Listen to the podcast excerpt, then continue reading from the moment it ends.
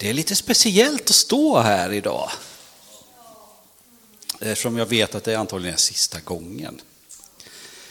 Jag ska ju flytta om en vecka för er som inte visste det. Eh, så att eh, när Elisabeth först frågade om så här, kan inte du predika tredje advent? Då kände jag så här, en vecka innan jag flyttar, jag kommer ju ha rätt mycket saker att göra ändå med lådor och allting. Nej, ska jag verkligen det? Men sen tänkte jag på allt som jag har fått i den här församlingen under de 17 åren jag har varit här. Eh, att jag har fått vara med i julspel och fått ha roligt där och med refugotjänsterna för några år sedan. Jag har fått vara med och växa här i den här församlingen så jag kände, jo, jag gör det ändå. Det kanske inte blir så mycket spex som det brukar bli när jag är framme, men någonting ska det väl försöka bli i alla fall. Så den första tanken jag hade var, nej, det hinner jag inte. Andra tanken var, och vad ska jag säga då? då? Men så hade jag förfärlig tur. Det kom ju snö för två veckor sedan. Och så såg jag då att det var Bana väg för Herren som var temat idag. Och då, då kopplade jag ihop dem och tänkte jag, ja men det går att säkert få ihop något här nu. Så jag tänkte så här, när jag såg de här snöbilarna, plogarna som körde på gatorna där febrilt dagen efter snöfallet. Hur de jobbar för att alla vi andra ska komma till jobbet och affären och överallt vi måste komma. Eh, de banar väg för oss. För att vi ska kunna leva våra liv. Eh, då försökte jag göra kopplingen här nu då till Bana väg för Herren. Och så läste jag de olika texterna som var den gången, eller till idag. Eh, och då var det just det här om Johannes. Han banade ju väg för Jesus. Och han gjorde det inte så diskret. Han var som en plogbil, han körde på. Och väldigt många lyssnare, så han banade väg för många. Men en annan sak jag tänkte på också, som kanske inte applicerar på mig så mycket för jag bor i lägenhet, men alla ni som har hus. Ni vet att ni måste också skotta er egen uppfart. Annars spelar det ingen roll vad plogbilen gör, för ni kommer inte ut ändå. Så man måste ta sin snöskyffel och gå ut och börja skotta. Lite som det blev i mitten här nu då. Och det tror jag är nödvändigt. Jag behöver bana väg till min egen dörr. Och det behöver jag göra i livet också. Jag behöver bana väg för Herren till mig själv. Om jag inte gör det, då är det lätt att jag missar vägen och går fel. Därför att vi riskerar att missa Jesus och hans budskap om det inte är plogat fram till våran dörr. I dagens evangelietext, som är Matteus 11, 12-19, pratar Jesus om Johannes och profeterna. Han säger att det är de och att lagen har gjort, det är att förutsäga Jesus. Han jämför folket i samma stil med barn som sitter på torget och ropar åt andra barn. Och så här står det.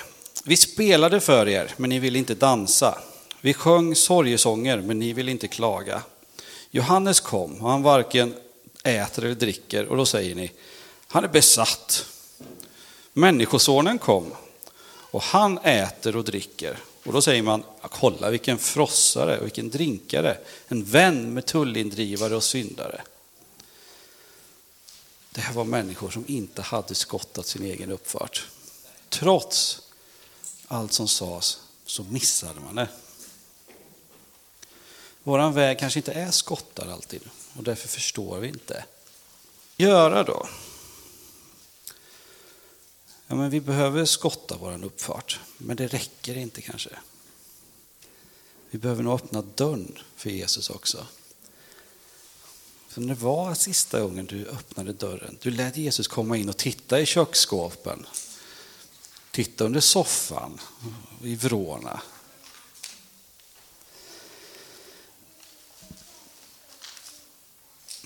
Jag brukar säga till mina elever att det finns några enkla saker man kan göra för att lyckas i skolan. Det är någonting som inte har egentligen med själva skolan att göra, eller ämnet. Utan saker man kan göra för att bana väg för pluggandet. Jag brukar säga, ja, men, kom i tid. Det är en enkel sak, det kan man göra. Ha med dig rätt saker, det gör livet mycket lättare i lektionssalen sen. Sov ordentligt. Ät frukost. Och undvik saker som distraherar dig. Lägg bort mobilen. Kanske inte ska sitta bredvid bästisen i klassrummet. Du kanske ska lämna drama och konflikter utanför. Lite sådana här enkelt man kan göra för att man faktiskt ska kunna fokusera på rätt saker.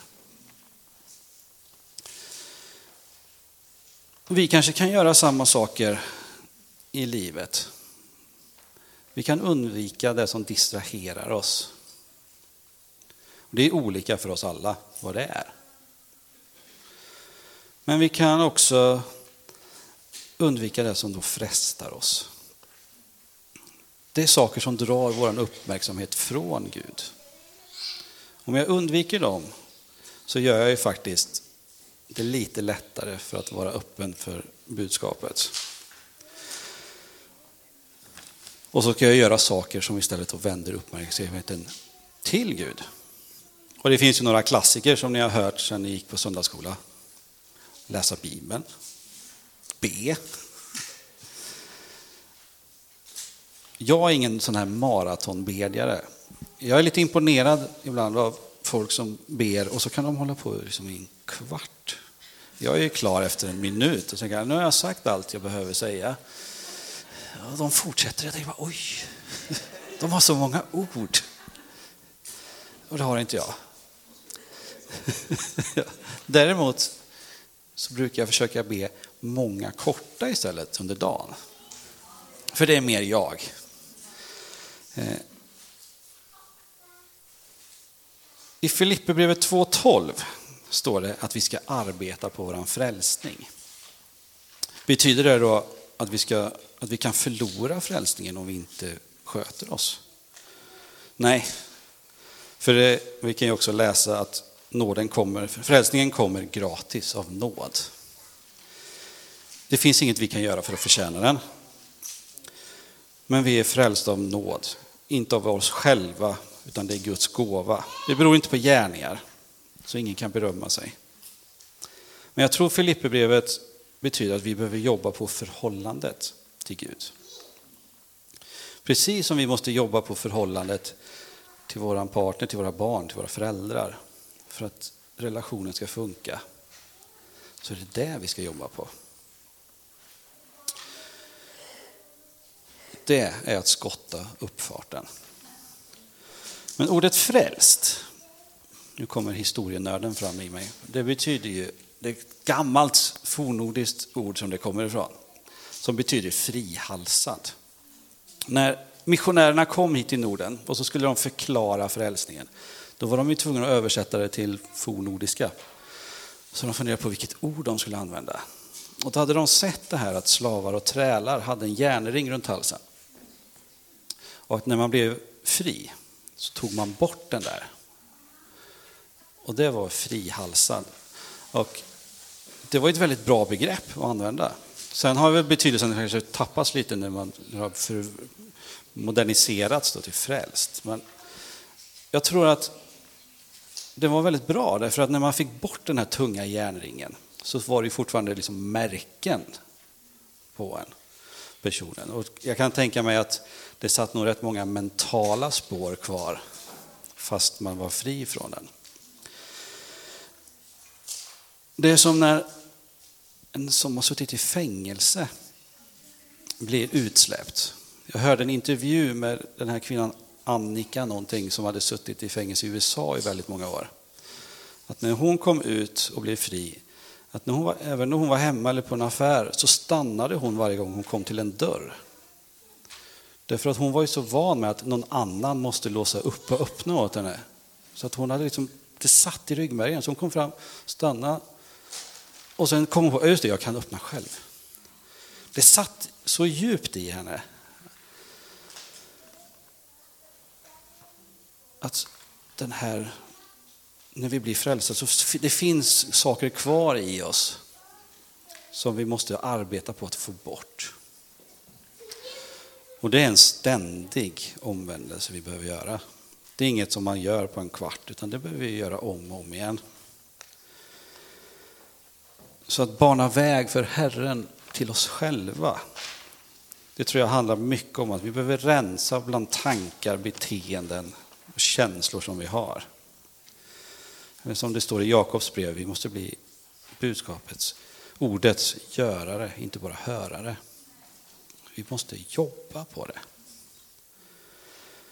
Och för det så krävs det då den här ständiga omvändelsen. Vi behöver släppa in Jesus. Vi behöver skotta uppfarten, öppna dörren. Vi måste låta honom lysa upp vrårna. Titta i alla skåpen som vi har. Alla lådor som står på vinden kanske. För det finns mycket som vi kanske har glömt att de är där. Nu när jag håller på och packar flyttlådor för glatta livet och flyttar på bokhyllor och sånt så dyker det upp en hel del damm som jag inte visste fanns där. Och det är sånt som jag behöver ställa bort. Och det tror jag finns i livet också.